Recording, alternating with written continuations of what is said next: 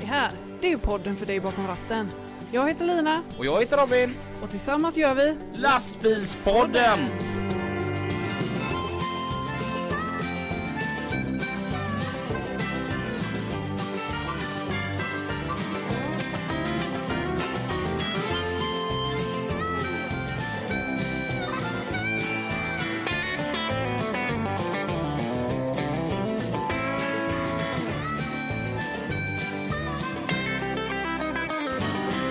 Det är en praktfull dag i våran vackra hamnstad denna söndag när vi sitter och spelar in. Det är blå himmel, strålande sol och cirka 14 grader varmt ute. Ja, och det blåste inte än särskilt mycket för att vara här. Nej, alltså här ute blåser det jämt storm och här, nu var det liksom helt fantastiskt bra. ja verkligen. Mm. Ja. Praktfull. Alltså, du hör ju vilken tyngd det är det ordet. Ja. Mm. Är det ett ord som du precis har lärt dig eller? Eh, nej, men det förekommer ofta i en serie som jag kollar på som utspelar sig från 20-talet. Ja, ja, ja. Och då säger man att det är praktfullt. Ja, okej. Mm. Eh, dagens podd blir lite annorlunda. Mm. Mm. Eh, den är lite oförberedd. Mm. Eh, den är eh, väldigt allvarlig. Så att eh, trafiken kommer att utgå den här veckan. Ja, För vi känner att eh, vi vill lägga fullt fokus här nu. Mm. Mm. Eh, med oss som gäster idag så har vi två stycken som har varit här innan i andra syften. Vi Mm. kan börja med att vi eh, på våran högra sida så har vi Dennis. och på vår vänstra sida har vi Allen. ehm, välkomna tillbaka. Tack. Tack, Tack. så mycket. Kul att vara här. Eh, jo, vi, eh, vi har ju en minst sagt prekär situation här i våran värld. mm. Mm, det har ju inte undgått någon. Alla drabbas på ett eller annat sätt. Mm. Jag talar såklart om kriget mot Ukraina. Mm. Eh, först så tänkte vi att vi skulle hålla det lite ifrån lastbilspodden för att det här ska vara en liten fristad. Ja. Att eh, ja, men här pratar vi lastbilar. Mm. Mm. Men alla blir berörda utav detta. ja, det är ju så. Mm. Och även eh, många lastbilschaufförer. Framförallt de som köper i utlandet då blir ju drabbade. Och vi ser skenande bränslepriser. Ja. Och, men framför allt så många människor som drabbas. Mm. Och det, det, det var ju lite som jag- jag pratade med mm, ett par kompisar att de som nu befinner sig antingen på flykt eller som har kallats in för att kriga. Mm. Ja, men det, det, är ju liksom eh, biltransportörer i Ukraina. Mm. Det är ju eh, sopgubbar i Uk- Ukraina. Ja. Det är eh, trubadurer som står för fredagsunderhållningar. Alltså, Mm. det är ju vi, fast väldigt nära. Ja men det är ju det. Det är ju det därför det känns så konstigt just för att det är så nära. Mm. Jag tänker som Dennis, du som har polskt påbrå. Mm. Hur var din känsla direkt den torsdagen där när eh, man fick se på nyheterna att nu, har, nu händer detta? Grejen var att, eh, nej men alltså, jag har ju släktingar i Polen givetvis. Och jag har släktingar som är gifta med eh, folk från Ukraina så att säga.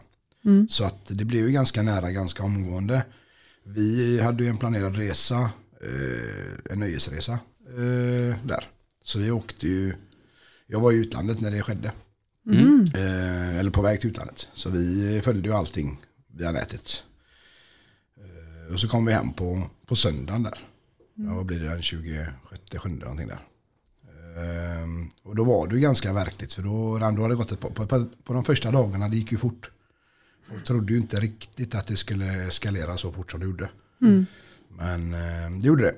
Så att eh, jo, nej, men jag har ju kontakt med mina släktingar och även vänner och så vidare. Och de drabbas ju även på polska sidan. Mm. Det är ju sagt det är mycket flyktingar som kommer över. Eh, Det är mycket transporter som drabbas. Bränslet, det, det är samma som här egentligen. Mm. Det är, Fast gånger mera tänker man. ja, jo, de ser ju det direkt i och med att det är så nära. Mm. Vi har, vad sa vi, hade 120 mil här från Göteborg ner till Ukraina, fågelvägen. Mm. 120 mil, det är strax bit ovanför Östersund därifrån. Mm. Det är inte långt. Nej. Så att jo, nej, men det är klart att det, det ligger nära, närmare än vad man tror. Mm. Mm. Allen, hur gick tankarna hos dig den här torsdagen? Det, det är ju... Om man, jag tänkte det är ju helt overkligt. Hur hur kan det bli krig i, i Europa 2022? Det, Mm. det är ju... Även om det har rustats länge från den ryska sidan mot gränsen till Ukraina så då tänkte man liksom, det är, han kör något, någon skrämselpropaganda, någon skrämseltaktik för att liksom få dem att ja, inte söka NATO-medlemskap, inte, inte söka EU-medlemskap. Liksom sådär. Så det, det, det blev så verkligt. Och det är som nämligen säger, liksom, att en- färja och en bit genom Polen så är du Ukraina, där är kriget. Mm. Ehm, så det var lite så. Mm. Det sjukaste i allt detta, precis som du är inne på, det var som Robin Svahn ringde till mig på Autofrakt och så säger han att 2022, är det inte lite väl gammalmodigt? Att hålla på och kriga med vapen. Mm, verkligen. Det, det är ju så sjukt att man faktiskt går till den handlingen. Jag Ja. tänker att kriget är förlorat bara om man tar det beslutet. Ja. Jag håller med. Och just att skjuta på civila mål. Ja. Det, alltså det är så, mm, jag hittar inte riktigt ordet, men bisarrt. Ja. Brutalt denna gången. Ja. Alla krig är hemska. Det, det är inte det, jag vill inte förminska något annat, men Nej, på ett eller annat sätt så är det ju alltid eh, civila som drabbas i krig. bisarrt var det jag sökte efter. Ja. Men det- är ju just att det är de civila målen. Det har att göra med att ryssarna tänkte att de skulle ta in, inta Ukraina på två dagar. Och lyckades till och med skicka ut ett tidsinställt segermeddelande i- till pressen. Och, eh, men så var ju inte fallet. Det fick de ju ta tillbaka och det är därför de maler ner de, civila målen nu. Sjukhusen, eh, eh, alltså bostadshusen, höghusen, alltihopa. Det är ju för att göra maximal förstörelse. För kriget är ju redan förlorat för Rysslands del. Ja. Det, det var det efter bara en vecka, möjligtvis två.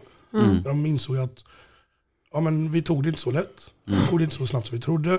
Mm. Då bara maler, ner, maler vi ner allt. Jag menar slaget är förlorat för dem. Mm. De, de har ju de värsta sanktionerna. Jag menar inte ens Iran åkte, åkte på sådana här sanktioner. Mm.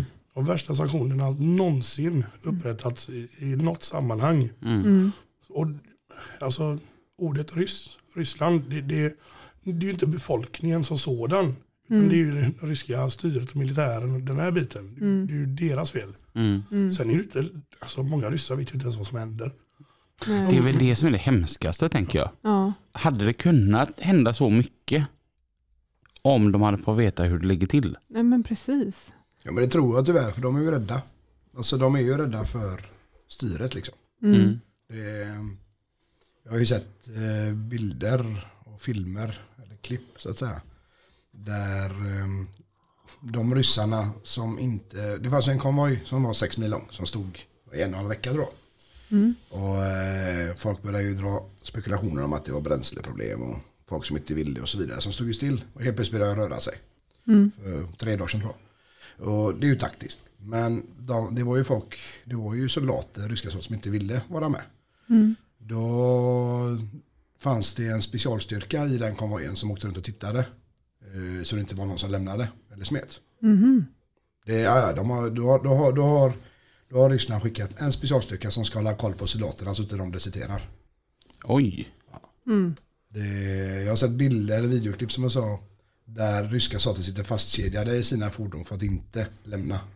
Och det är sådana som inte vill, som förstår verkligheten men inte vill. Ja. Så att eh, många är nog rädda, många gör det för att de måste, för att de är rädda om sitt eget liv. Ja. Det, Mm. alltså jag, jag, ehm, jag förstår ju att man är rädd om man inte vill men eh, det är ganska hårfin avvägning om man ska riskera sitt eget liv eller någon annans liv. Mm. Det, det är nog svårt att föreställa sig för man, förrän man är där. Mm. Jag fick en sån här klump i magen i morse när jag kollade på Nyhetsmorgon. Mhm. Och det var att de hade tagit ut en himla massa människor från Mariupol Mm. och deporterat dem in i Ryssland. Jaha. Och de har alltså tagit ifrån dem deras, sina pass och sina mobiltelefoner och skickat ut dem i ödemarken i Ryssland. Va? Ja, Mm. men det var ju sådana här humanitä- hum, humanitära korridorerna de skulle upprätta. Ja. Så de höll i var det en kvart eller 20 minuter Ungefär. innan de började bomba dem igen. Och eh, nästa steg när de lovade upprätta nya korridorer då var ju Rysslands villkor att korridoren skulle gå in i Ryssland. R- Ryssland och Belarus. Ja. Och det är ju samma sak i stort De sett. ha, de, ville ha, de ville ju flytta dit, de, ville ju, de tillåter ju ett evakuering till Ryssland och Belarus. Mm. För där kan han ju styra dem sen. Där, där styr, ryssen styr ju båda länderna liksom själv. Så att eh, ja, det, är- det är lite speciellt det är det. det är, mm, som sagt, det är nog svårt att föreställa sig, även om man lyssnar på nyheter och, och tittar på klipp och så vidare. Det är nog svårt att föreställa sig, även för mig som varit nere vid gränsen liksom. Mm. Det, men det, vi har ju sett rätt mycket folk. Rätt mycket flyktingar. Mm. Mm. Ja, för att det är ju därför ni är här. Ja, just. Gan, ganska fort, en, bara en vecka efter att kriget hade startat, så stack ni ner. Mm. Ja, det var ju, på dagen en vecka. Ja, det var ju söndagen när jag kom från utlandet från min nöjesresa. Mm. Eh, företagsresa. Eh, som... eh, Så gjorde han misstaget att ringa mig. ja, och då bestämde vi oss att vi kör på. Ja. Det eskalerar lite kan man säga. Vad var det ni bestämde att ni skulle köra på? Vi bestämde för att göra en liten insamling och så köra ner en bil och trailer med förnödenheter. Ja. Eh, Och då sa vi att detta var söndag kväll. Vi släppte ut det på måndagen och så skulle vi åka på torsdagen. Ja. Eh, Och det var fullt på tisdag kväll, onsdag dag. Då var det fullt. Ja, då, då fick vi börja stoppa för att det, det liksom vällde ut Mhm. från trailarna. Okej. Nej, det blev lite större och det är jättebra. Alltså det, är det är många som hjälper till. Ja. Problemet som uppkom var ju att folk fortsatte höra av sig Mm. och ville lämna mer grejer. Och ännu mer grejer. Och vi bara, Vad är det för grejer som de vill lämna? Allt. Allt. Blöjor, vatten, barnmat, eh, kläder, Mm. eh, mediciner, alltså vanliga paracetamol. sjuk- Allt. Sjukvårdsartiklar, eh, det, all, precis allt du kan tänka dig. Ja. Det, vi kör ner så mycket hundmat nu så jag, jag, jag vet ja. Ja. Ja, våtservetter körde vi ner några pall också. Ja. Det är ju som vi sa där, det måste ju, det måste ju vara måste ju vara eh, världens renaste flyktingar och världens fetaste hundar. Ja. Nej men alltså på riktigt, jag eh, började fundera på, alltså klart att hundmat behövs också, det finns la djur. Mm. Jag personligen hade kanske hellre fyllt den med, med förnödenheter till människor. Men, Men så har det ju varit också att många av eh, de som flyr kan inte ta med sig eh, sina Nej, husdjur. Förvånansvärt många som tar med sig faktiskt. Ja. Eh, sist härom, häromdagen fick jag veta en som hade flytt, hade med sig kaninen. Jaha, vad Och kul. jag tänkte, ja, jo, ja klart, är det ett djur man haft hela livet så det är ju något som är kärt oavsett. Ja. Nej, så det, vi fyllde en trailer rätt så fort. Eh, Vi räknade ut att den rymde väl ungefär 90 kubik. Mm. Mm. För vi fyllde den från golv till tak hela vägen ut. Handstaplat från golv till tak. Fast inte en pall på den. Ja. Nej, Ingenting. handstapla allt för att få plats. Ja. Hur gick det sen att komma ner? Vart lämnade ni av grejerna? Åkte ni in till, eh, till kriget? Jag, jag tänker om vi börjar i Sverige. Okej. Att, Ja. att, att vi, ni åkte torsdag eftermiddag då eller? Ja, torsdag eftermiddag. Mm. Ehm, Hur, hur var känslan då när ni släppte handbromsen och rullade härifrån? ehm, det, det, för det första så var det lite överväldigande när vi stod liksom knödde in de sista grejerna. Mm. Och hade hjälp från eh, min svägerska och eh, en, vad var han? Präst eller Ja, det kom pastor? en präst från, ja, från området. ja visst. Och, och eh, även en tjej som var sjukskriven och ville, ville hjälpa till. Så de hjälpte till liksom att langa över allt det sista och så i. Mm. Och sen liksom snabb dusch så åka. Och det, det är till Varberg var det va? Mm. Just det, där hämtar vi medicin i Varberg. Ja. Eh, Som kommer från Varbergs sjukhus. Och sen börjar vi mata neråt. Och då, då känslan är väl det är lite overkligt fortfarande. Mm. Man, man, ja, man är ju på väg. Men man är på väg in i någonting som man inte har gjort innan. Mm. Så det är liksom, eh, Ja, men jag kände att det var, det var, när vi satte oss och började åka från Varberg då, sista anhalten i Sverige. Eh, det var roligt. Mm. Man satte sig, satte sig och körde och såg fram emot det. För man visste att man gjorde, en, gjorde något för en bra sak. Mm. Som inte som inte alla kan göra, för alla har inte möjligheterna. Så är det alltså, och för, förstå, de som inte kan göra en sån här grej, de har ju hjälpt till istället med att skänka grejer och lite logistik, köra fram grejer för folk som inte kan köra för de inte har möjlighet. Alltså, alla i alla olika branscher har hjälpt till. Mm. Vi hade inte kunnat göra det själva. Alltså, Så är det, man kan inte göra allting själv. Mm. Eh, Så att, nej, jag tyckte det var, det var skoj att sätta sig och börja köra. Och se liksom, eller känna att nu är vi på väg till något riktigt bra. Mm. Sen självklart så visste man inte vad man skulle få se. Mm. Det var ju en känsla i sig att fan undra vad man får se. Mm. Ehm, Så att, men nej, jag, jag hade, var bara positiv från början liksom. När ni kommer ner till båten, är det många hjälpsändningar mer som har hunnit komma då? Nej, inte vad vi jag såg. nej, då, vi var nog rätt så ensamma på det där. Eh, Eventuellt kan det ha varit en grupp med bilar ifrån eh, Malmö Lite oklart om de var med på färjan eller inte. Vi hade lite kontakt med dem. Men, Mm. eh, men då var vi rätt så ensamma och vi var rätt så ensamma neråt vad vi visste då. Mm. För ja, nu förutsätter jag ju att man, man har någon skylt på eller någonting. Vi hade ju skyltar, eh, ukrainska flaggan och så Röda Korset. Både fram, på, fram och bak på bilen och på sidorna. Mm. Eh, Men ja, någon mer såg man ju, men inte alls eh, den här. Men det, jag tror att det här är en grej. De här privata initiativen, akterseglade, de här stora organisationerna, typ som UNHCR, Röda Korset, alltihopa. För de började så här, oj, det blev krig. Nu måste vi sätta ihop en arbetsgrupp. Nu ska den arbetsgruppen liksom sådär, en vecka senare kanske de är på väg. Det är oklart eller sådär. Medan vi små då, bara packa trailern, nu drar vi järnet. Ja. Så att det... Jo, men jag tror ju som du säger, alltså, vi små, de här privata aktörerna gjorde nog ett ryck i början ganska omgående. Vi var ju inte ensamma alltså, i Sverige så. Vi var nog bland, ganska ensamma på färjan ner men de kan, många åkte ju dagen efter och även dagen innan vet jag ju folk som åkte. Eh, Men de stora aktörerna, precis som Allen säger, det ska sätta upp arbetsgrupper, rutiner ska skapas och så vidare, det tar tid. De jobbar ju för fullt nu. Mm. De har ju att göra ett tag framöver liksom. Mm. Så att, eh, men eh, nej, det hjälpte oss mycket med, med, med vi, som Sam Allen sa, vi satte ju på flaggor och Röda Korset-märken på bil, på bil och trailer runt om då. Mm. Annars så, ner till färjan, det var bara att duscha och lägga sig liksom. Och då åkte ni Karlskrona till Gdynia? Nej, vi Nej. åkte, vi åkte Ystad Swinoujscie. Okej. Det fanns inga färjebiljetter Mm. eh, Stena Line där. Så vi åkte runt. Och hur långt var det sen att åka i Polen? Eh, Vad var det för sig? 95 mil tror jag. Mycket sa du? 95 tror jag. Mm. Ja, ganska exakt. Åkte, vart åkte ni? Vi åkte till, till en liten, eller liten, till en stad mellan Lublin och eh, gränsen till Ukraina. Mm. För att vi fick order om att inte åka för nära gränsen. Jaha. Eh, Just för att de släpper, till Ukraina släpper de bara in ukrainska registrerade fordon. Mm. Eh, Då, nu har det ändrat sig lite men när vi åkte ner. Eh, Och så ville de ha öppet så, mycket, så många filer som möjligt ifrån Ukraina så att så det kunde löpa ut eh, eh, flytande därifrån. Då. Eh, Så att vi, ja, vi var kan ha varit fem mil från gränsen kanske. Mm. Men man såg ju rätt mycket där. Det var ju mycket ukrainska bilar så man såg ju kom, folk komma liksom från gränshållet. Då.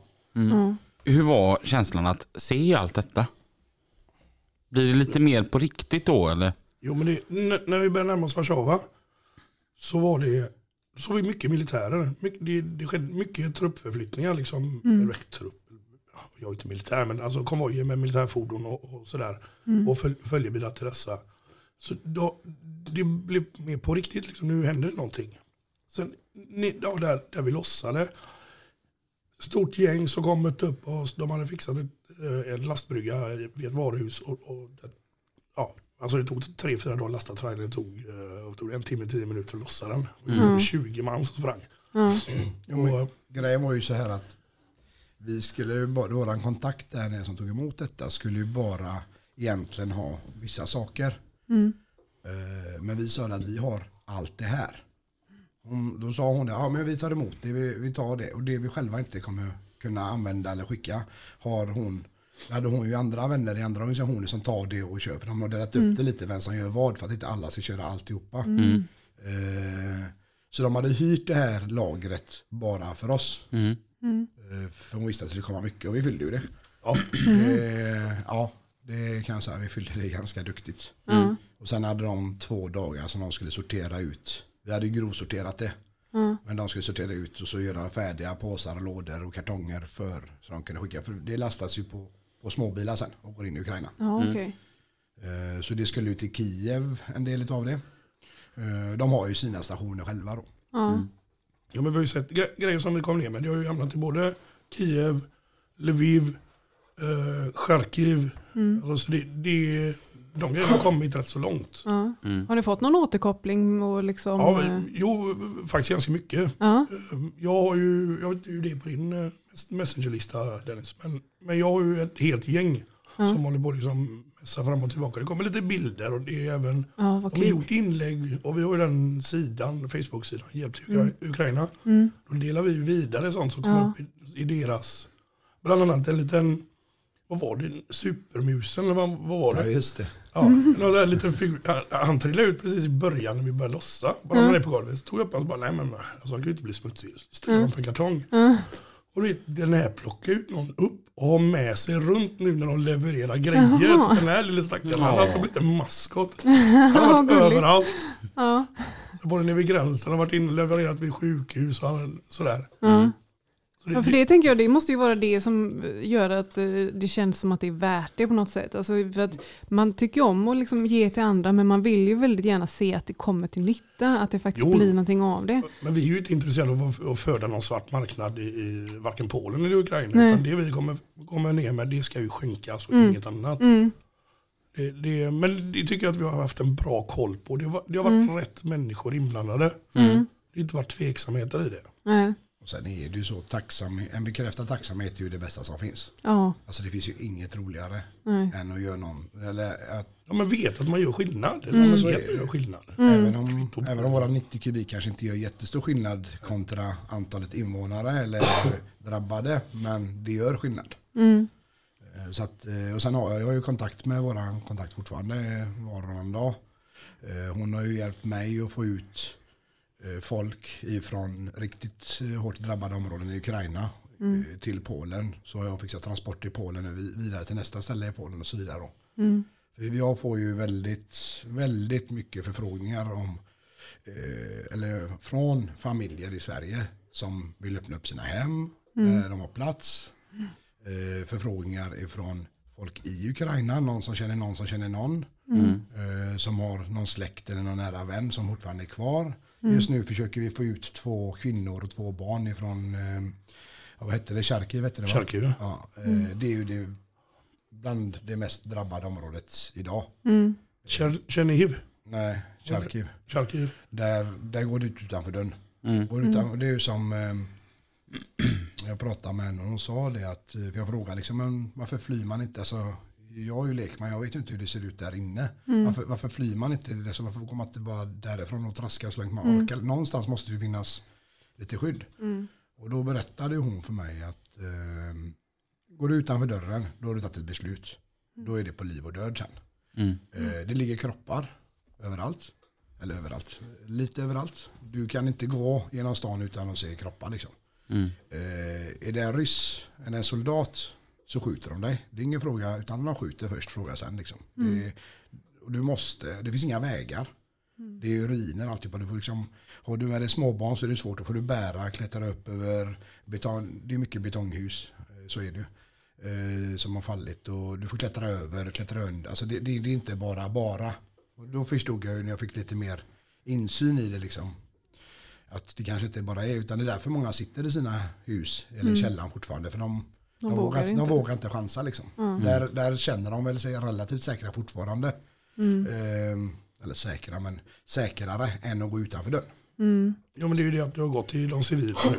Det har, ju gått, det har ju gått till att man beskjuter civila, civila mål och bombarderar det. Och inte bara det, man minerar. Så att där du trodde att du kunde gå för, eller där du kunde gå för två dagar sedan, den där lilla sandgropen som är där, det kan ju lika gärna vara en hoppmina. Ja. Så det, det, det är som sagt, allting går ut på att bara mala ner städerna i Ukraina nu. Ja, det är så hemskt. Usch. Men det såg jag också, det var något som jag uppmärksammade på nyheterna. Eh, när man eh, såg videos därifrån där flyglarmet gick. Eh, men barnfamiljerna var ute och lekte liksom. Ja. De liksom. Det har gått så lång tid så de, de hör inte ens larmet utan det är på konstant. Nej, nej, men det är, jag tänkte på en annan grej som kom i helgen. Det är, det är en, en av drivkrafterna för mig. Det, det får jag faktiskt säga. Det, eh, det är nu när de har ställt ut 109 barnvagnar Ja. på torget i Lviv. Uff. Det alltså 109 spädbarn. Mm. Det, det var en läkare som, som berättade i en, en, eh, det var en YouTube-sändning liksom att han, han, han bröt ihop till slut. Mm. han, han bara, nej men i den här källaren här, vi, vi, det är det kallaste vi har att förvara folk i. Mm. Så har vi bara staplat dem på hög. Tyvärr så den yngste hade ju inte navelsträngen ramlat av på. Mm. Liksom, det vet vi ju som är föräldrar att eh, Mm. Det, det är ju dagar gammalt då, vecka kanske. Ja. Det, det, det är ju så, det är så sjukt. Ja. Alltså, fan, krig är ju vuxnas. ja, Precis. precis. Man har ju sett mycket hemskt på nyheterna genom åren. Men det där när de ställde upp de här barnvagnarna på Mm. torget. Alltså det, Man tror att man är tuff, men det, Mm. när de kommer, då, då jävlar. oh, ja, det hade bara räckt att någon petade på en så hade man Ja. brutit ihop fullkomligt när man Ja. såg den. Ja, den var väldigt stark den bilden. Problemet blir ju att det blir ju, alltså civila är, blir ju drabbade eftersom det finns ju krigsregler. Mm. Men när en sida inte förhåller sig till det. Mm. Då, det därav så har det blivit så stor eh, uppmärksamhet, men så stor grej av det här kriget just från övriga länder. Mm. Eh, för sanktioner och så vidare, att det blivit så hårda. Det är ju för att Ryssland håller inte sig till krigslagarna. Mm. Hade de hållit sig till krigslagarna så hade det inte, då kan jag garantera, det hade inte varit sådana sanktioner. Då hade folk tonat, då hade de inte varit lika på som de är idag. Mm. Nu beter de ju sig alltså fel. Rä- Rätt upp och ner, de gör, de gör krigsbrott. Mm. Eh, och Putin han har ju åkt och gömt sig någonstans i en bunker. Så jag menar, det, han hittar dem inte förrän... Och där ska vi ju höja president Zelensky. Mm. Ja, det tycker jag. Han är där han hade varit om det inte vore krig. Mm. Han sitter på sitt kontor. Ja. Ja. Jo, men ju- just att eh, när amerikanerna erbjöd honom eh, vi- en säker väg ut den här. Mm. Han bara, jag, jag, jag behöver inte en helikopter. Jag behöver vapen, jag behöver ammunition. Mm. Det var hans svar. Han, han står upp för, för sitt folk och sin... Mm. Alltså, Det är ändå ganska lustigt för att han var ju inte omtyckt för inte så länge sedan. Mm. Utav ukrainska folket. Ja. Han, han är utbildad advokat och skådespelare från början. Mm. Mm. komiker. Eh, Komiker. ja. Eh, och eh, han spelar ju någon roll som president i någon film eller serie. Mm. Och sen så kandiderar han efter det och blev president. Mm. Eh, och Ukraina, eller ukrainska folket var ju inte jättenöjda. De tyckte, alltså de tyckte, han var ju inte omtyckt. Mm. Nu är han omtyckt. Nu har ju visat sin rätta sida. Mm. Eh, så att ja, han är... eh, Det, jag tror inte det finns någon president som skulle göra så här. Eller det finns ingen som har gjort det. Mm. Eh, Jag har svårt att se andra människor göra det heller. Så då tror man ju verkligen på sitt land. Jag får ju känslan av att han är en sån här som kommer gå till historieböckerna. Ja, lite så ja. Mm. Och jag tycker det är väldigt eh, snyggt av så många världsstäder som döper om eh, gatorna utanför de ryska ambassaderna. Ja, ja. De ukrainska Och de, ambassaderna var det väl? Nej, Nej, de nej, ryska nej, det. ambassaderna ja. Ja. till Ukrainagatan och så Ja, vidare. precis. Ja, och Zelenskis plats och ja, Zelensky Street. Och, ja. Och det gör ju att även, nu får du tänka ett steg längre. Mm. Ryska ambassader måste trycka om sina visitkort. ja. ja. Ja, men sen, sen är det alltså de här sanktionerna som har blivit. McDonalds har blivit väldigt ledande där. Ehm, sen är det väldigt många som har liksom haft eh, ganska hög svansföring men, eh, och sagt att nej, men vi kommer stänga, speciellt snabbmatsrestauranger och sånt. Ja. Men jag satt och tittade på en uh, youtuber i, äh, igår var det. Mm. När han uh, stack bort till KFC och käkade. Ja. Fortfarande öppet. Det, det var liksom, mycket av det är snack. Ja. Mycket är alltså, signal eh, Mm. för att folk ska tro att de Ja. Jo men sen så, så har ju Ryssland gått ut och sagt att de tar över i eget regi. Ja. Mm. Ikea ska de ju sköta själva. Mm. Allting nu. De ska behålla namnet. Mhm. Mm. Eh, och McDonalds var likadant. Eh, där sköter de själva. Det är inte McDonalds som äger det längre. De har, McDonalds har lagt ner sin verksamhet. Mm. Men byggnaden finns ju kvar. Det är Mm. inte så att de plockar ner reklamen för det. Mm. Och personalen finns ju kvar. Mm. Det är ju bara att det är ett ryskt bolag istället som driver det. Mm. Så att det är mycket som är kvar. Sen att de får eller inte får göra det. Men de, gör, de, de försöker ju överleva också. För det går ju inte jättebra för ryssarna just nu. Mm. Varken i kriget eller i, eh, på hemmaplan. Liksom. Det är det jag tänker att inte alla sätter sig emot. Nu, jag- nog för att man är rädd va, men ska vi sväl- svälta till döds eller ska vi göra det på, alltså,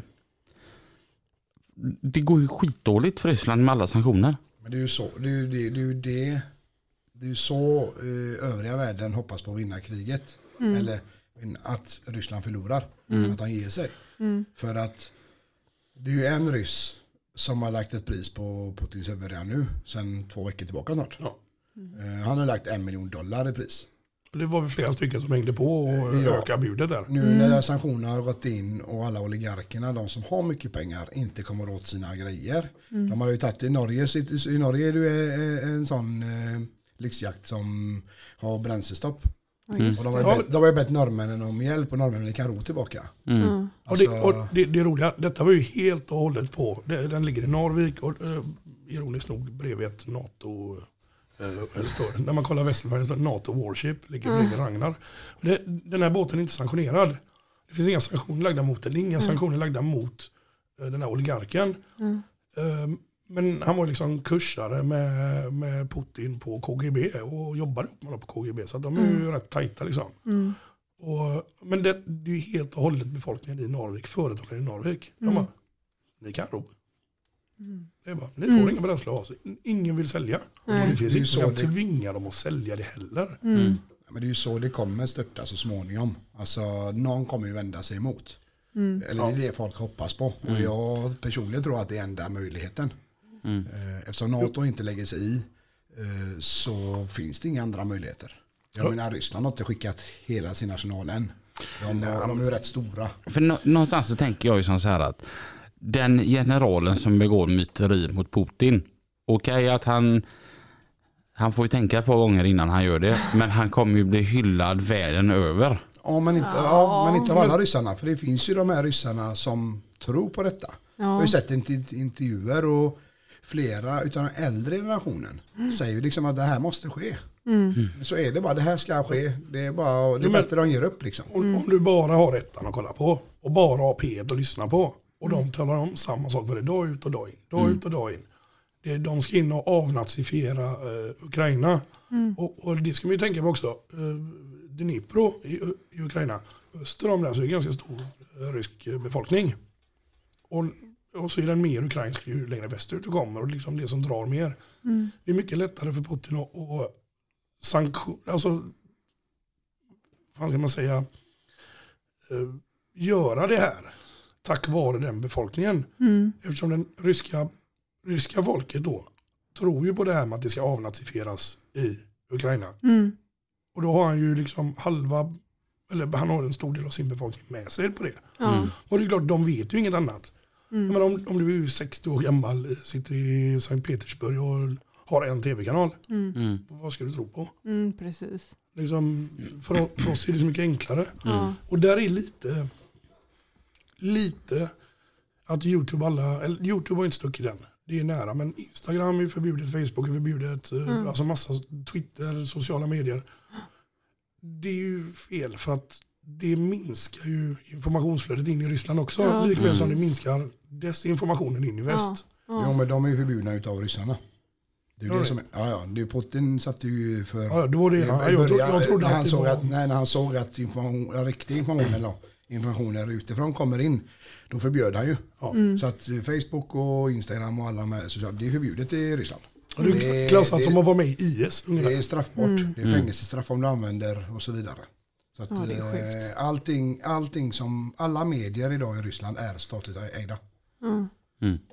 Ni lyssnar på lastbilspodden. Med Lina och Robin. När ni då hade lossat den här dvajlen och var på väg upp igen, så du la ut ett Facebook-inlägg. Jaha, nu då? Ja, men det blev en sån känsla. Jaha, och nu då? Hur var Och- känslan när man var på väg upp igen mot båten? Nej, för det första var man rätt trött. För det, det var... eh, Jag, jag har bara sett Dennis t-shirt en enda gång. Han fryser ju fan i juli. Men han, han var så pass varm när vi lossade. det är skillnad på att tjock som jag och fet som andra. Nej, men, då, men man var lite trött och grejer. Och så, då började man ju direkt fundera på vad, vad fortsätter vi med nu? Hur, börjar... Ja, ska vi göra ett omtag? Hur ska vi göra? Mm. Ehm, men då var det, ja, vi sov på norr om Warszawa någonstans. Uh, sov vi på ett litet hotell. Och sen mot båten dagen efter. Där på båten, då märkte man liksom, det var ju fullt med klungor av barn och det var kvinnor och det var liksom sådär. Mm. Ehm, och den båtresan, den var lite intressant. Vi, vi, vi stod och pratade med en norrman. Först så hade han ju varit nere med hjälpsändning. Sen hade han ju kanske inte bara varit nere med en hjälpsändning. Sen var han tydligen militär. Och sen fick man ju räkna ut resten själv. Ja. De hade varit nere med. Det var liksom bara... Ja. Och någon, två, två norska busschaufförer med. Ja. Som, eh, ja, de, de här, ja, men vad, vad har ni gjort? Vem kör ni för? Nej men vi gör det här privat. Och den ena busschauffören bara tittar. Bara, har ni samlat ihop allt själva och, och en lastbil har åkt ner. Ja, så bara tittar han så, bara, han liksom med fingret upp och bara, det finns någon där uppe. Så, sån, var, sån var han, blev lite överväldigad själv. Ja. Så det, det har varit det här nätverkandet som har blivit utav det. Ja. Men, eh, ja, Mattias, techmiljonären ifrån, eh, jag ska inte säga var han är ifrån, som privat med sina egna pengar köper upp eh, termiska kikarsikten och skottsäkra västar och skickar ner. Liksom sådana saker. Det, det Ja. finns så många olika initiativ. Ja. Um, vi har en kille i Kungsbacka, en byggföretagare, han bara, jag funderar på att lägga ner byggfirman, jag kan hålla på med det här istället. Ja. Bara, ja, liksom de här kom, stora nätverken som har blivit, som har, Mm. och när man ser hur, att, att folk ställer upp. Mm. Mm. ja, det är mäktigt. Så hur, hur gjorde ni när ni kom hem då? Ja. Var, eh, nej men det var hem, vi kom hem på söndagen. Och så skulle ni vara hos oss nästa söndag. Ja. Nej, vi, ja, vi, ja precis. Ja, precis. Ja. precis. Sen hör, pratade jag med Allen som sitter på en motorväg. Mm. Vi sket sig lite tidsmässigt kan man säga, planeringen. Det var då vi var på väg ner andra vändan. Ja, Men eh, då åkte vi faktiskt med två personbilar ner. Jaha. Eh, ja, alltså så här är det. Vi, folk skänker grejer fortfarande. Mm. Men vi kan inte åka ner halvfulla. Och vi, hade lite, vi fick lite panik. Vi hade två familjer i Polen, flyktingfamiljer från Ukraina, Mm. som behövde komma hit. Mm. Som vi hade fixat boende till och så vidare. Mm. Så att vi sa det, vi sticker ner, vi, då hinner vi på 36 timmar liksom tur och retur. Vi blåser ner, hämtar, vi tar med oss så mycket vi bara kan i bilarna. Lämnar över det, hämtar, hämtar familjerna och så blåser vi tillbaka igen. precis. Så det var, ju, det var inte riktigt så vi hade planerat, eller vi hade inte planerat. Det var någonting på onsdagen. Fan, ska vi åka ner eller? Ja, kanske vi ska göra. Bra, vi drar fredag. Och när är vi hemma? När är vi hemma frågade Allen. Vi är hemma, vi är hemma söndag. Perfekt, då åker vi.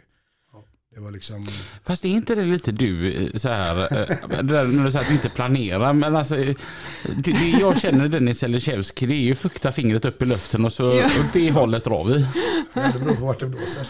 Nej men jo, eh, alltså ja. Eh, om vi ska dra det lite längre tillbaka innan andra resan så på vägen hem på söndagen eh, så fick jag ett samtal om en annan familj som är kvar i, som var kvar i, i Ukraina. Mm. Och, ehm, och min fru som ringde och sa att du, de kan bo hos oss. Ja, absolut. Om du ser till så att de är i, eh, i, vid polska gränsen på måndag morgon eller måndag, måndag lunch så vänder jag på motorvägen och åker ner igen. Mm. Nu fick vi inte ut dem ifrån, gräns, eller ifrån Ukraina. De är fortfarande kvar. Eh, transport, den planerade transporten som skulle hämtat dem fick problem, eller de blev anfallna på vägen. Eh, kan jag tänka. Men det, blir, det är lite så, man vet aldrig hur det går. Vi, hör, vi vet att de skulle hämtas, vi fick aldrig höra någonting mer. Så vi kan bara anta det värsta och hoppas på det bästa. Eh, så därav så vände jag ju inte då på söndagen utan vi vä- väntade några dagar och så åkte vi ner och hämtade andra familjer på fredagen istället. Mm. Så ja, lite spontant så. Som sagt, hade, hade jag fått ett besked om att de hade varit vid polska gränsen på måndagen så hade jag ju vänt direkt efter jag åkte från Hallen i söndags. Mm. Eh, och så kom vi hem på tisdag eller onsdag. Eller. Mm. Men eh, nu blev det inte så. Utan jag hämtade ett andra familjer istället. Som Ja. också behövde hjälp. Då var det ju, ena familjen var en mamma med två barn. Andra familjen var en Mormor, Mormor, ja. barn. Precis, en familj. Då. Hur, ehm, hur är den känslan? Jag tänker det, det är folk som, ni har aldrig träffat dem antar jag. Och det, det är ju t- eh, totala främlingar egentligen. Mm. Det måste ju hända någonting i bilen känner jag. Alltså, det måste ju uppkomma något. Ja, min engelska har blivit fruktansvärt mycket bättre sista veckan. Alltså. Säga, Och min ukrainska. Nej, men jag hade lite, lite, för, jag hade lite tur då att den familjen jag hade i min bil, och hon, var, hon är lärare. mamman där. Så hon kunde engelska, bra, bra engelska. Mm. Så bra engelska kan inte jag. Mm. Så det var ju en utmaning. Mm. Och hon var ju inte tyst heller. Nej. Utan, eh, nej men man försöker ju, för det, var mycket frågor. Ja. Ja, vart ska vi bo? De visste ju ingenting. Nej. De visste bara att det fanns boende. De förlitade sig ju helt och hållet på oss. Ja. Ja, det, det är dit jag, dit, dit jag menar. Alltså, deras här liv hänger ju lite i er som de inte känner, har aldrig träffat er. De sätter sig i en bil och bara hoppas på att de, nu blir det bra. ja men precis, det är ju görläskigt. Speciellt tänker jag som kvinna att man är rädd för att eh, utsättas för någon trafficking typ. Ja, alltså. eh, Men det är bättre än att vara i kriget kanske. Jo, jo, jo. Nej, men, jag köper ju och jag hör nej, det. Men nej, nej, men alltså, det, när jag säger att någonting måste ju hända, alltså, det måste bli något väldigt fint utav alltihopa som händer. Att två familjer som aldrig har hört talas om varandra he- helt plötsligt sådana här omständigheter gör att man träffas. Att det, det måste ju uppstå en enorm kärleksgrej där. Att, att folk hjälper varandra. Mm. det, har ju, det har ju varit nu i Ale där jag bor då. Eh, Så är det faktiskt en kille vad han nu heter som har, eh, han har ju försökt eh, få, få ta reda på vilka, alla familjer som kommer till Ale från Ukraina. För han har ju försökt skapa ett nätverk där de träffas en gång i veckan Ja, eller två gånger i ja, ja. veckan. Så de, får, alltså de behöver prata sitt eget språk också med andra. Mm. Eh, Ventilera lite annat, alltså för övrigt. Mm. Så nu var, för det är så här att mina föräldrar har en familj hemma. Mm. Eh, Så de var iväg igår. eh, På en sån här eh, träff då. Mm. De käkade lite eller vad de nu gjorde och tjötade ett par timmar och så vidare. Mm. Och det var ju uppskattat. Mm. Så att eh, det finns som sagt de som, alla kan ju inte åka ner. Mm. Det hade ju varit väldigt trångt om alla ska sätta sig och åka ner och hämta folk. Mm. Men det finns ju saker man kan göra hemma då genom att anordna liksom, träffar eller ett nätverk med folk och så vidare. Mm. Öppna upp sina hem och allt vad det innebär då. Mm. Så att eh, det är mer folk än, som, än, sy- än vad det syns som hjälper till kan jag säga. Mm. Fruktansvärt mycket Det, folk. det, det, fast det är väldigt mycket bakom. Och det här är en grej som, man, eh, som glöms bort lite.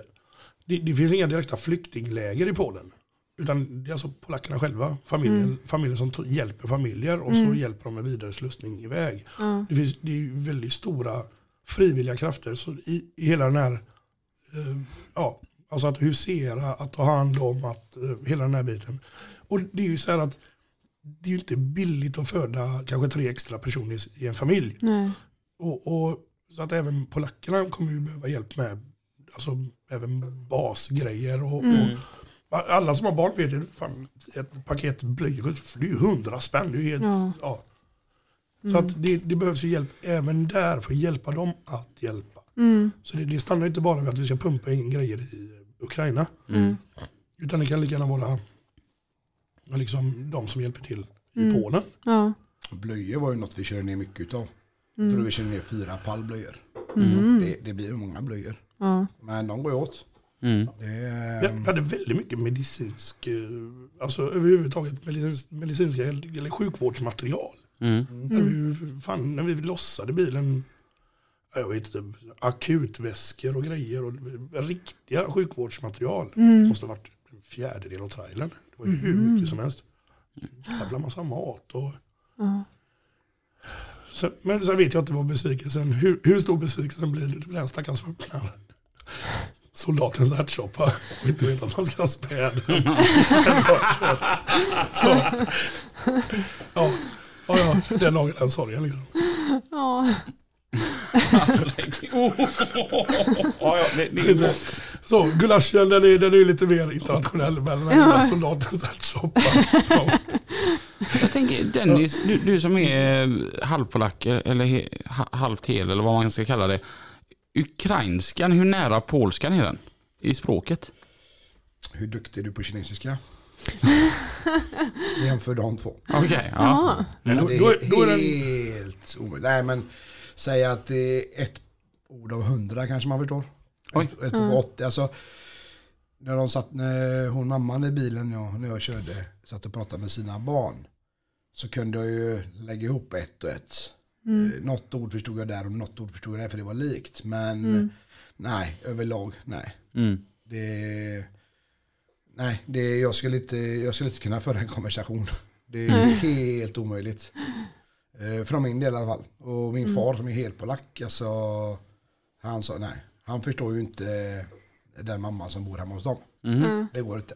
Han försöker ju använda sina tre ord på engelska. Det går ju eh, ja, men alltså 69 år, vilken engelska kan man liksom? Mm. Eh, så att nej, det är inte, för jag trodde också det. Jag sa det när vi åkte ner, bara, men det är ju inga problem. Han bara, inga problem. Nej men, fan, ropar på Porsche, det fattar väl de. de. Han sa, inte en chans, inte en chans. Och så var det. det. Det var inte många ord som stämde överens. Okej. Ja, Då, då var det nog eh, närmare att stava sig fram på kroatiska. Mhm. Det, det är ju mer, ukrainska är ett slaviskt språk. Ja. Så där var fler ord. Jaha, okej. Men, men säg att 20, 20% var samma. Ja. Okej. Eh, Så att det gick. Ja. Jag, jag vet, det var det som blev att den familjen som hamnade i min bil, Mm. där pratade vi ingen engelska, trodde vi från början. Den Ja. unga tjejen gjorde det, men hon var sådär, hon var sådär nervös. och Lite ville blyg. Ja, lite Ja. blyg och ville inte riktigt. Ja. Så jag och mormor satt och liksom stavade oss igenom och peka och grejer och sådär. Och så fick jag ibland fråga henne där bak, ja men hur, hur säger man det här? Ja. Ja men eh, ja, till exempel mitt hus då på kroatiska är det mojdom och på ukrainska är det mojdim. Så att det liksom är en bokstav ifrån. Ja. Så att det gick ändå. Det, alltså stava sig fram och staka sig Ja, fram. ja, så ja. det. Ja. Så det är ju klart, alltså det, det tog ju tid men tid hade det. Ni lyssnar på lastbilspodden. Med Lina och Robin. Jag tänker som så här att bägge ni två är företagare. Till vardags så driver du Furåsen Maskin och du driver lastbilstillbehör.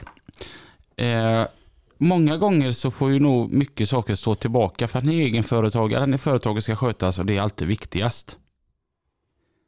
Har ni fått ett annat perspektiv på vad som är rikt- viktigt på riktigt? Jag tänker så ni har ju lämnat era verksamheter ett antal dagar och det är mycket tid egentligen för att vara företagare för att hjälpa andra människor. Får, hamnar man i något annat slags perspektiv då? Ja, jag, jag, har ju, jag har ju dragit ner Furåsen så pass mycket. Vi är ju bara två lastbilar kvar och så jag som maskinist. Maria jobbar ju numera på Svekon och sköter papperna på ja, men det är så här, någon kväll i veckan. Det, det är ju så lite nu så det, det behövs inte mer. Mm. Så att den tiden jag lägger, ja, ja jag lägger den gärna. Det, det, jag, jag förlorar eh, några spänn på att inte köra maskinen men jag känner kanske mina karmapoäng Mm. kan, kan, kanske kompensera det lite så. Ja. Nej, men det, det, är ju, det är ju roligare att göra någonting man brinner för än att göra någonting man måste göra. Ja. Det, det, så är det ju. Mm. Och Dennis? Jo, men alltså det är klart att eh, man får ett lite annat perspektiv. Men samtidigt så har vi också sagt att nu måste vi jobba lite också. Vi måste också överleva. Mm. Eh, jag eh, jag eh, Det säger jag bara. skolk, skolkade från jobbet eh, några dagar. Och det, visst, det kan jag säga, det känns ju ekonomiskt, det gör det. Mm. Men eh, det är inte varje vecka, det är inte varje dag, det är inte hela tiden. Mm. Jag hade möjligheten, hade jag inte haft möjlighet ekonomiskt, att det hade drabbat familj och så vidare, så hade jag kanske inte kunnat göra det här två gånger. Mm. Eh, då kanske jag varit en gång och så får det räcka liksom. Mm. Men eh, nej, jag, jag räknade inte på det förrän efteråt och insåg att jäklans, ja. Det, var, det kostar lite men så är det. Det är alltså som sagt, det är för en bra sak. Mm. Eh, jag skulle göra det igen. Mm. Vi ska göra det. Ja, du, du säger det. Ja, men det, planen är ju det. Men, nej, men sen är det så också att nu har vi möjlighet att styra lite vilken dag. Mm. I början var kläckte vi en idé till varandra en söndagkväll och vi drar på torsdag. Det kanske inte var riktigt genomtänkt. Mm. Eh, Fast det är då det är roligt. Ja, jag håller med helt och, helt och hållet. Jag hade åkt på onsdag när man bestämt själv så att det inte så. Men eh, nu vet vi att kanske vi kan styra det lite jobbmässigt också. Mm. Eh, för att det ska fungera för alla parter liksom. Jo men vi kanske inte behöver fylla en, en trailer den här gången. Utan vi kan gå med. Det är väldigt många som samlar in nu. Det är, vi, vi säger Bro väggarage från Gotland gick ju ner nu. Eh, det går, eh, vad heter han? Niklas tror han heter, från Kungsbacka. Du vet, de är nere på fjärde, femte trailern. De, har ju- de har ju så här liksom lite olika grejer i. Kläder, mat, lite så. Men alltså de som vi har kontakt med nere i Ukraina nu, det är mer åt det medicinska hållet. Mer åt den liksom Mm. Sådär. Och de grejerna är inte lätta att skaffa och de är ganska dyra. Mm. Eh, Så att vi försöker ju mycket med just det. För det, det, är de, det är de med ett väldigt akut behov av. Mm. Medan det är väldigt många som håller på med den andra biten. Med liksom allt möjligt. Mm. Så det, nu är det ju tal om att, och nu spelar vi in på söndag, eh, eventuellt att åka fredag, jag och en ambulanssjukvårdare. Mm. Men då, I så fall spenderar vi ett par dagar där nere. Mm. Men vi åker bara om det behövs. Om det står 40, alltså liknande människor på, på just den gränsövergången, då behövs inte vi där. Då är vi bara i vägen. Mm. Så det, det, är lite, det, det är en sån, kanske, Mm. kan hända. Mm. Sen beror det lite på, har vi mycket medicinskt, har vi mycket sånt, Mm. då kan det vara värt att åka bara för att, Ja. för att grejerna behöver komma ner. Ja. För det, kostnaden lastbil ner, alltså bara färjan var ju, var det Polfärgs 7000 spänn till han stackaren i kassan och säger 7000 spänn till mig. Och vi hade en sponsor som kom med. Som kom med 7000 spänn i hundralappar och jag bara 70 hundralappar. Han bara, uh, vad hände? Två man fick eh, kontrollräkna. Ja. Och så hem var det 10 000 med stenar. Ja. Och, ehm, alltså det, det, det äter ju upp pengar som hade kunnat användas på ett bättre sätt. Ja. Men så var det personen bilarna kostade. 1800 spänn tur och retur. Nej, och fy, färgerna kostar, ja per bil ja. Ja. ja 18 1900. Ja, det, det är lite skillnad. Du får, du får ner 10 personbilar på en. Ja. Men sen är det ju så här att Stena Line, Polfärgs Unitline, alla rederier gick ut efter ett par dagar och sa, ja, på onsdag innan vi åkte första gången, Jajamän. att alla som kör hjälpsändningar får gratis biljett. Och gött tänkte vi, det är ju en del pengar vi sparar. Eh, vi betalar det annars men det har varit gött att spara. Det de inte riktigt skrev ut från början var att det gäller bara registrerade välgörenhetsorganisationer. Ja. Och där är någonting som jag, jag blev ledsen. Tappade mycket känsla. Kriget bröt ut på torsdagen. Lördag morgon så ringer Robin på autofrakt mig och bara Fan Robin. Jag har en lastbil. Du har varit i Polen. Ska vi åka ner? Absolut, så. Det gör vi. Och eh, eftersom att vi jobbar i skift och allt detta då, va, så för att få det till att, att stämma bra. Ja, men vi åker fredag den 25 mars. Mm.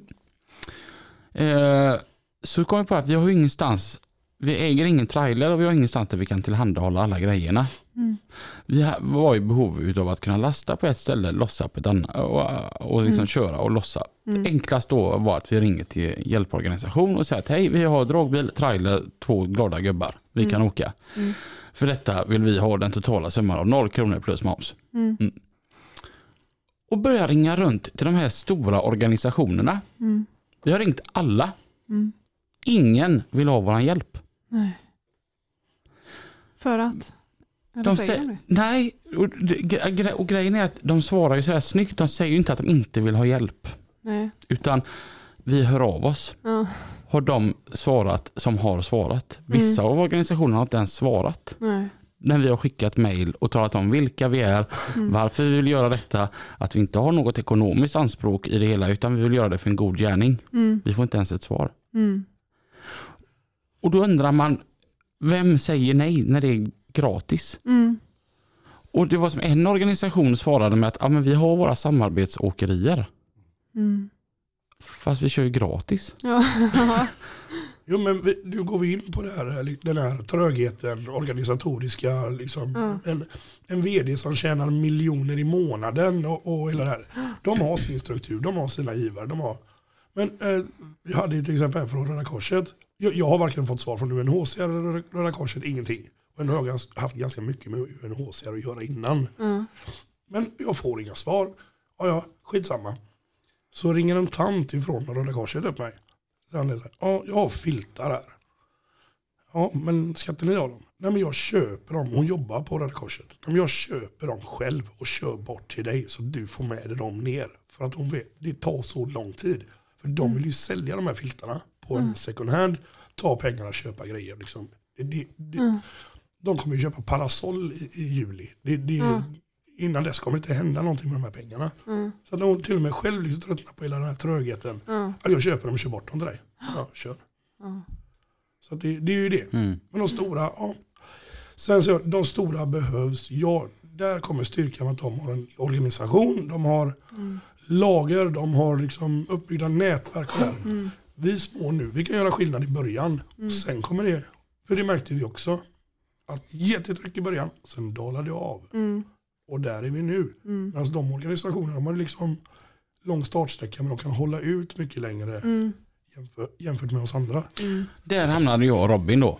Att vi sa det att vi åker inte, det blir som nu då fredag om två dagar då, sen den 25, att vi, vi, vi åker inte. Utan vi kan, för att folk kanske har lätt att glömma, men då övervakar vi mera. Mm. Att kanske om, om en månad så är nyhetens grej borta. Att, att det börjar återgå för mycket till det normala här hemma men behovet finns fortfarande. Och att vi kanske tar en annan ställning. Vad är det som behövs då? Är det minibussar vi ska hyra varsin och åka ner och hämta folk? Gör vi ett bättre eh, insats om vi gör en sådan grej? Det som var tråkigt var att vi, vi fick ju våra sponsorer att hjälpa till. Vi fick en trailer utav Volvo och, som vi kunde använda och alla sponsorerna gick ihop och sa att vi, vi kan dela på färja, diesel. Att där kände man ett engagemang och så blir det ingenting som man blir ganska...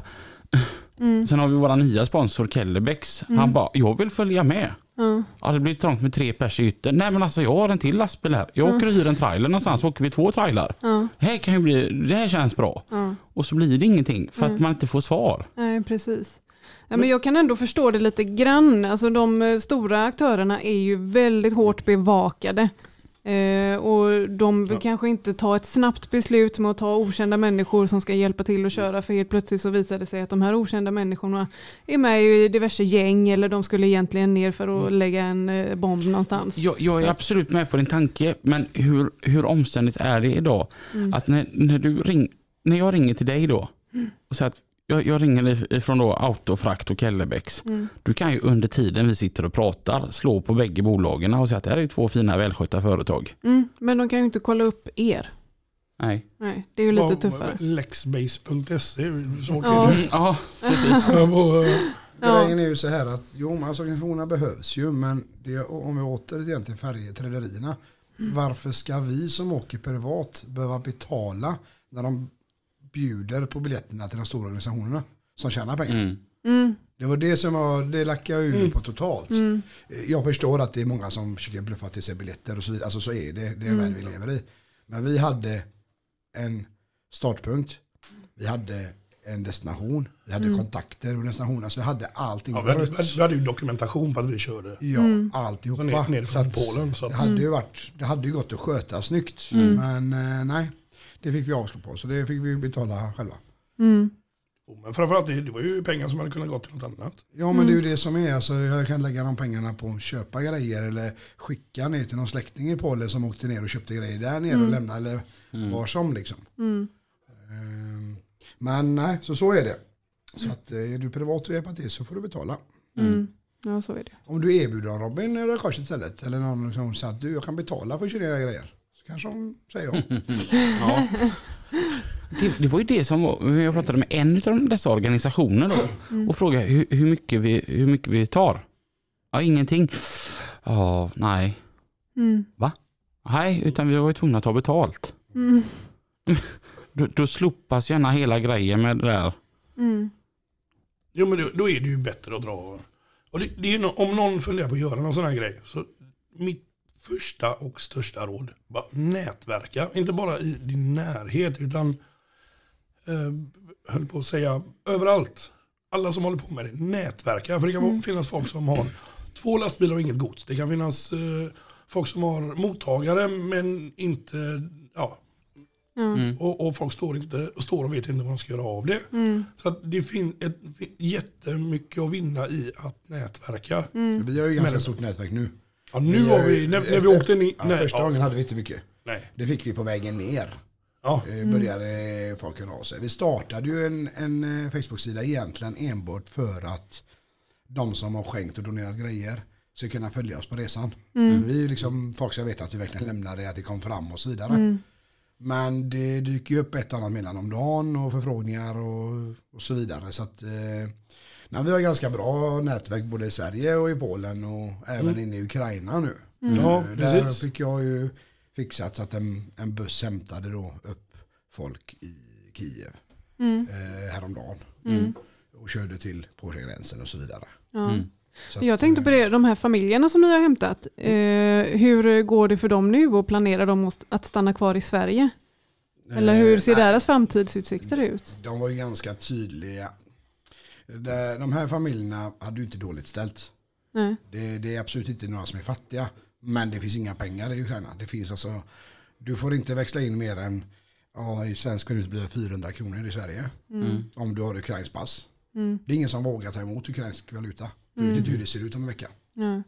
Eh, Deras kort funkar inte för bankerna är ju kraschade i Ukraina. Mm. Eh, Så att de är, det blir ju svårt eh, oavsett om man har pengar inte men det blir ju svårt att ta emot hjälp när man är själv van vid att ha det gott ställt. Mm. Eh, Men jag pratade med, jag pratade med dem i, här i, igår, förrgår tror jag. Jag har haft kontakt med dem lite under veckan. Mm. Och, men de var ju tydliga från början när vi hämtade dem att de kommer ju vända så fort deras stad är säker så åker de ju dit. För de har ju sina män kvar. Ja. De får ju inte lämna. Mm. Så att eh, så fort, även eh, hon som åkte i min bil, mamma där, hennes man ringde mig på söndag när vi hade kommit hem. Mm. Och tackade och sa till behöver du hjälp, folk som ska hämtas, köras, ring. Jag fixar, vi kör dem, de kan bo hos mig ett par dagar och få mat och så innan vi kan köra vidare och så vidare. Så att Mm. de är tacksamma. Mm. Eh, Jo, men sen är det ju så med Migrationsverket och det här nya direktivet, massflykt, massflyktsdirektivet, har ju, inte riktigt, har ju visat att det inte riktigt var så bra som de sa. Mm. Mm. De får ju inga stöd, inga bidrag. De eh, får inte gå i skolan, alltså vuxna. SFI och så vidare nu. Allt som skulle vara. Det, det, det, så är inte fallet. Mm. Eh, barnen får gå i skolan och de, får, eh, de, får, de har uppehållstillstånd så de får um, arbetstillstånd. Hur lätt är det att börja arbeta när man inte kan språket alls? Mm. Mm. Och ingen möjlighet att lära sig det mer än möjligtvis online hemma hos där man bor. Om någon man bor. Mm. Så att det är lite speciellt. Ja. Uff. Men i allt den här misären, jag tänker lite som hela programmet nästan har handlat om, vad, vad mycket kärlek som kom fram. Alltså vad, vad folks gästvänlighet. ja, verkligen. Jo, men folk, är, folk är helt fantastiska. Mm. De har gått man ur huset. Mm. Ja, jag menar, vi fyllde en trailer. Vi hade kunnat fylla två, tre trailrar den veckan. Det, det var helt sjukt var det. Det var bara, fick bara stoppa folk. Men alla ville. Och de frågade, kan vi hjälpa till med något? Behöver ni en chaufför? Kan vi hjälpa er att köra? Mm. Folk frågade direkt, bara, men kan vi vara med och sponsra bränslet? Kan, kan vi liksom sådär? Och, ehm, nej, jag, jag är förvånad. Det, det är verkligen, men det, håll, och hålla i lite nu. Och liksom, för det, det, nu kommer det även behövas den här hjälpen att hjälpa, kanske slussa in till något arbete där man det räcker med engelska. Mm. Eh, kanske ja, alltså barnen på dagis, hela den här biten. Mm. Alltså det finns små saker som kan göra stor skillnad. Ja. Det, det är ju bara att hålla i och liksom bara hoppas att den här, den här skiten är, är över. Mm. Det, det, Det är ju det bästa. Jag, trodde, Ja. jag trodde väl aldrig jag skulle säga att vad jag saknar när vi bara hade en pan- coronapandemi. Vad gött livet var då på något vis. Ja. Mm. Ja, Får jag jämföra kriget med pandemin Lina så kan jag hellre ta två år till av pandemi. Okej. Man ja, tänker, det, ja, det var jobbigt med alla köerna som kom tillbaka. det har vi inte haft på ett par år nu. Mm. Men man ser, ser vad mycket vad alla gör sin sak för att hjälpa till och det blir så där himla bra till slut. Jag menar, alla stöttar på eh, olika sätt de kan. Kolla bara som idag, fikan vi inte ens har hunnit eh, hoppa på. Nej, det, det, det är ju god fika från Rickard Nordbergs åkeri från Taberg. De, Ja. de, de, de hjälper till på sitt sätt. Liksom. Ja. Ja, vi sponsrar lastbilspodden de kunde göra detta avsnittet. Mm. Och det tackar vi stort för. Ja, verkligen. Mm. Eh, vi har gått över våran timme här, men alltså vilka hjältar ni är. Ja, verkligen. Vi, vi, gör, vi gör vad vi kan. Så kan vi säga. Behöver inte ha någon hjältegloria. Nej, men eh, Bara- jäkligt snyggt. Det är mm, all heder. Mm. Nej. Och så tack alla som alltså, hjälpt till och ställt upp så att vi kan hjälpa. Mm. Också Vi- vi- riktigt stort tack. Vi är inte mer hjältar än någon som har skänkt. Mm. Alltså så är det Vi kan köra lastbil. Vi hittar i Polen. Mm. Mm. knappt. Men eh, vi kommer fram och tillbaka. Okej. Grymt jo- jobbat. Eh, tusen tack för att ni ville komma hit idag och dela med er av detta. Tack själv. Tack kom. Och eh, vi hörs igen. Nästa vecka. Då är även Mats och Pippi tillbaka. Mm. Mm. Ha det bra så länge. Ha det bra, kör försiktigt. Hej då! Hej då.